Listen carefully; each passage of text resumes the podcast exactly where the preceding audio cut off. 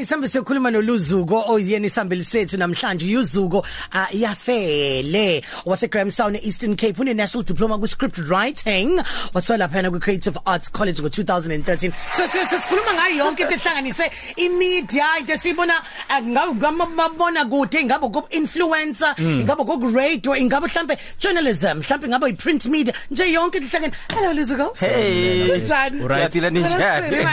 What an introduction nje. Encane Wabona? emfishane. Hey yeah. kodwa lezi zinto lezakhe ihlibiziwe vele izinto zabantu bo creative arts lezi Um, abahleleki nje Kumele singafana ngesihluku. kudalwa yini vele ama creatives nje kubona i- ak- ak- akubi order nje nokumesha Hlobo Eh? mhlobo aba- abanayo futhi inkinga ngalokho amateka angcolile mabanye mabethanda ayikuthi bangcolile bona kodwa nje kunalokho Kuna- nje kunaleyo nto leyo. yeah Hayi no kumele sihluka ngithi Yeah. akumele sigqoka amasuti sazi kahle ukuthi sophatha ama camera eh sometimes siyagijima so isikhathi ukuthi ube muhle nje asikho. So kuningi osukwenzile lana ngibonile futhi ukuthi waba is assistant director kuzala kusukela ku season 1 kuya ku season 4 yeah and then futhi kodwa sokhuluma ngescheduler yeah yini schedule? Uh, a scheduler uh, basically is a, a backbone of your production. Uh, you just take a script and you break it down. Um, you decide ukuthi abantu basebenza nini, what time, uh, kumele sishoothini ngoba without i schedule uh, angeke kushuthwe. Oh, you when- make the when a timetable nje. Timetable uyibeke njalo and then people just rely on the decisions ozenzayo on the scheduling. so mawusoku assistant director and then usiya ku scheduler kanjani us- usuka kuyona lento uthi uhlanganisa abantu Um as an assistant director cause um nginothando le directing Eh, but be, at the uqondise, same yeah. yes at the same time ngifuna u- own a company mm. so i said to myself uh, i scheduling izongibeka eduze nama producers cause umsebenzi engiwenzayo uh, it's almost wenza ama decisions afanayo as a producer. Yeah. so that's why i left i a directing ne assistant directing ngoba ngifuna ukwazi the business itself so that i can run my own mm. company ngazi kahle ukuthi information nginayo.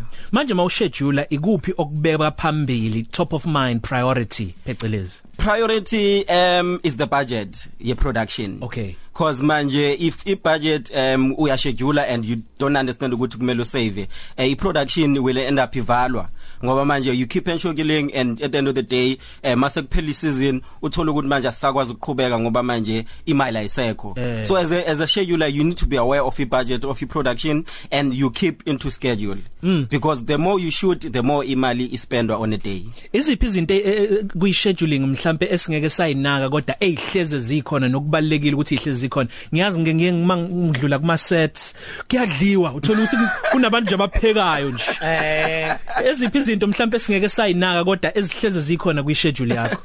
Um kwi schedule kakhulu kakhulu um my focus is on ama actors ukuthi ashuthane on a day uh to make sure ukuthi uh, sishoot ama pages angake because uh mawubuka iTV uthola ukuthi uh, kune start kune end mm. but mas shooter siyayihlanganisa. Ehhe. sikhala nge end or siqale nge middle or siqale so kumele wenze sure ukuthi on a day lezi zinto zikhona ziyakwazi ukuthi sihlangane. So ngamanye amazwi komunye umuntu mhlawumbe ngabuza ukuthi ukhulumani uqala nge-start ne-end for instance ake sithi um, um usiya sishutha usiya and then usiya kuyilokhuzana uzofika afe yabo Yes. khona la kufika khona aninqeni ukuthi niqale ngomgcwabo Ehhe. ningakafiki la a- a- a- ukuthi afa khona Gaj- straight Yindaba sisho kwenziwe kanjalo. um ngoba isikhathi esiningi asikho isikhathi sokuthi ufollow iscript ngalendlela esihamba ngayo ngoba ku script uzothola ukuthi singena la e studio then the s- next scene singaphandle mm. so awukwazi uqala la cause kunama camera ku- kuna wonke equipment kumele imove so anikwazi ukuthi manje ni follow iscript ngaleyo ndlela. Nizoshuta wonke ama scene la e studio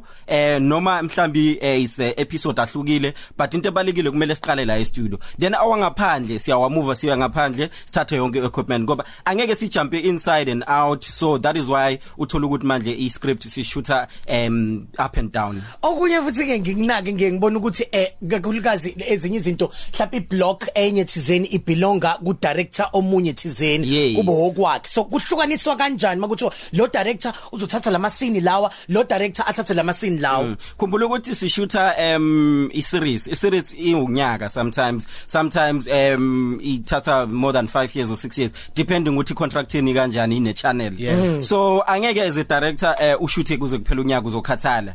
So siyayihlula into ama blocks where sizothi block 1 siqela ibe i directing ekanje uzoshoota 5 days and then the second direct izoshoota another day. And remember ngoba this thing i consumer eh, umqondo kakhulu.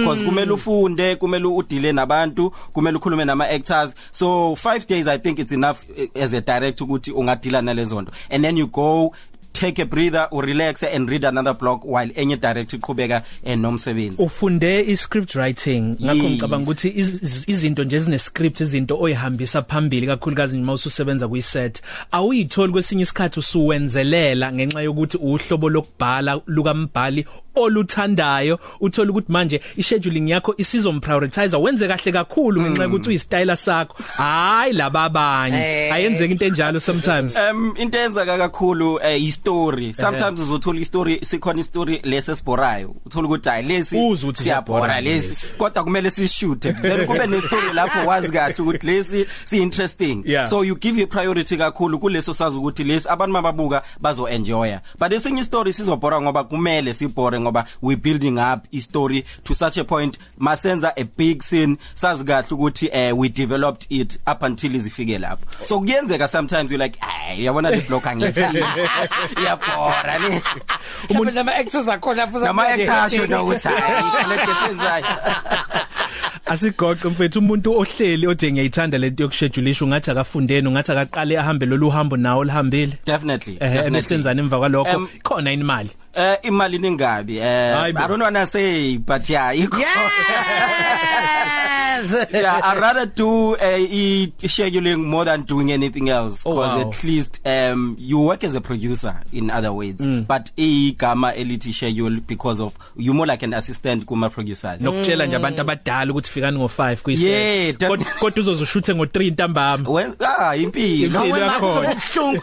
Okunye ke kokugcina ngaphambi ukuthi sivalelise siyazi ukuthi njalo mangabe ulesini kuba ulesini okugcina enyangeni la khona uba khona nama classes um aku actor directing ukuproducer ama master class njalo njalo wow. ukuqeqesha abanye abantu kanye nomasipala weTheku ya awusitshele kakubanzi ngalokho and imapha amanye alandelayo Oh, kuyi experience enginayo since ngisebenza la eThekwini nama production engisebenza kuona. I realize ukuthi we lacking in terms of ama skills. -hmm. uh, either you call it acting, camera or anything. Uh, I said ngoba nginayi experience let me do something. Mm. and then ngakhuluma no Mansipala weTheku uh, luckily the guys some of the guys were my teachers back at creative arts. So they were like we like we like the initiative because akunamuntu ozokhokha. The only thing ozoyenza ubhali motivation and say why do you want to be part of the training? So from next week monday to friday ngizoba driller from 9 to 3 every day. Umuntu akakhokhi you just come ne passion yakho and then mina i'll take it from there. Oh wow. Miningwane yakho?